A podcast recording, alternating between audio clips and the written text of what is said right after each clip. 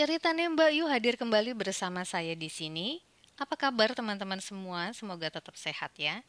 Melanjutkan episode sebelumnya mengenai jamu, kali ini saya mau bicara tentang jahe. Berupa minuman terutama apalagi cuacanya hujan, suhu udara dingin. Cocok sekali minum jahe. Oke, kamu tahu nggak sih ada berapa macam jenis jahe? Yuk kita kupas tuntas di sini. Kalau kita datang ke pasar, itu kan biasanya di lapak-lapak yang jual bumbu, aneka bumbu, itu ada jahe yang gede-gede, yang besar-besar, itu namanya jahe gajah. Kenapa dibilangnya jahe gajah? Ya karena ukurannya itu besar-besar. Ada juga jahe emprit. Nah, ini kebalikannya jahe gajah. Karena ukuran jahenya lebih kecil tapi jujur itu lebih pedas. Oke, jahe putih. Kenapa namanya jahe putih? Sebetulnya disebut juga jahe kuning. Jahe kuning besar, jahe gajah, jahe badak, atau ada yang juga bilang jahe kombongan. Nah, jahe jenis yang ini nih memiliki rimpang yang besar dan gemuk. Jadi kalau misalnya kalian di pasar suka lihat yang gede-gede jahenya dan ukurannya besar. Nah, ini namanya jahe gajah, jahe badak atau jahe kombongan. Nah, biasanya warnanya putih kekuningan, seratnya sedikit. Terus biasanya dikonsumsi saat masih muda atau setelah aromanya kurang tajam. Dan rasanya juga kurang pedes, maksudnya nggak terlalu panas, nggak terlalu gimana gitu ya. Dan banyak dikonsumsi pada saat masih segar, biasanya juga untuk bumbu masak. Cenderung untuk bumbu masak kalau jahe gajah ini.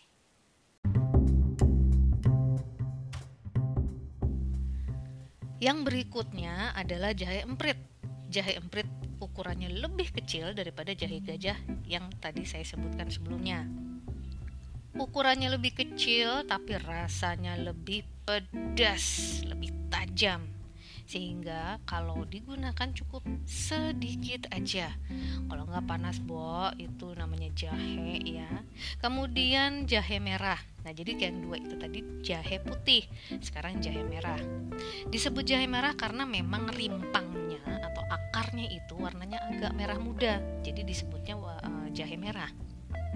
Ada juga yang warnanya merah. Coba saya jarang menemukan ya yang warnanya agak merah. Umumnya sih warnanya merah muda dia ini memiliki serat yang kasar, aromanya juga sangat tajam, rasanya juga sangat pedas. Nah, hati-hati nih kalau udah warna merah muda rimpangnya, kalian jangan masukinnya banyak-banyak. Kasihan nanti yang mengkonsumsinya kebakaran tenggorokan bukan kebakaran jenggot ya. Kadang nggak semua punya jenggot saudara-saudara. Nah biasanya dipanen pada saat sudah tua. Kemudian digunakan untuk obat Kenapa jahe sangat digemari oleh masyarakat di seluruh dunia dan hampir sering digunakan dalam bumbu masakan, terutama masakan Asia ya. Kalau masakan e, Eropa atau orang bule jarang-jarang ada tapi sangat sedikit. Paling banyak dan paling sering digunakan dalam masakan Asia. Buat kamu-kamu yang memiliki masalah dengan lambung, kalian bisa mengkonsumsi jahe tapi dalam dosis normal loh ya, jangan dosis yang over. Dan salah menggunakan jenis jahe juga bisa menimbulkan masalah, bukan mengurangi keluhan, malah menambah keluhan. Oke, pada dosis normal, keluhan lambung seperti mah, dispepsia, tukak lambung, juga GERD ini bisa diminimalisir keluhannya. Manfaat jahe berikutnya adalah mengatasi mual saat kehamilan. Umumnya, ibu-ibu nih, para calon ibu mengalami mual pada saat hamil. Ibu-ibu banyak mengkonsumsi jahe itu nggak apa-apa, ya, selama mengalami gejala mual atau muntah.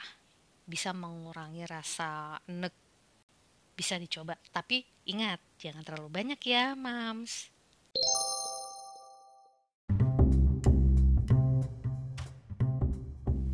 Guys, untuk yang sudah mengalami sering nyeri sendi, nah ini bisa menggunakan jahe untuk terapi nyeri sendi untuk nyeri otot dan osteoartritis.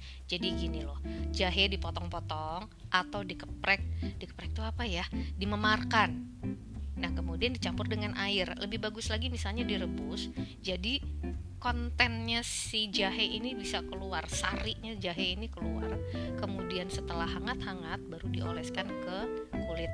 Jangan kebanyakan. Ingat, jahe ini panas loh, tergantung kalian nih pakai jahenya jahe emprit apa jahe gajah karena jahe emprit itu lebih panas saya ingat dulu waktu kalau dipijit dulu kan ada kayak apa sih terapi otot ya masas otot gitu dia menggunakan air jahe wah itu angetnya seharian. Enak tidur nyenyak otot lega. Uh pokoknya top markotop deh. Boleh tuh dicoba.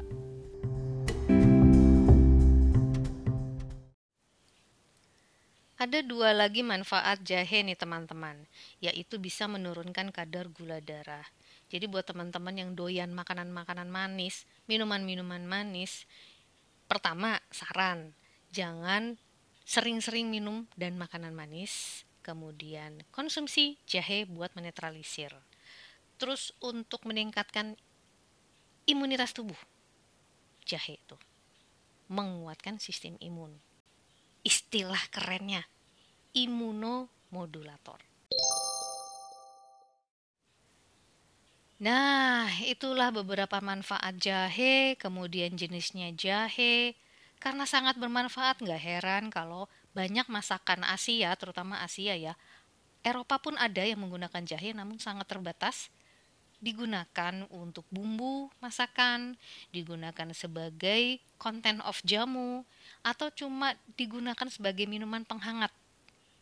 Dicampur serai, dicampur gula batu, dicampur gula aren, atau dicampur lemon, whatever, tapi itu nikmat sekali. Atau bisa juga untuk dioles ke seluruh tubuh, misal kalian badannya pegel-pegel, seperti nyeri sendi juga, itu bisa digunakan dengan bikin air jahe. Oke teman-teman, jadi sedia jahe sebelum sakit atau sama juga dengan sedia payung sebelum hujan. Selamat menikmati hari Minggu bersama keluarga. Salam mengangeni dari ceritanya Mbak Yu. Dah.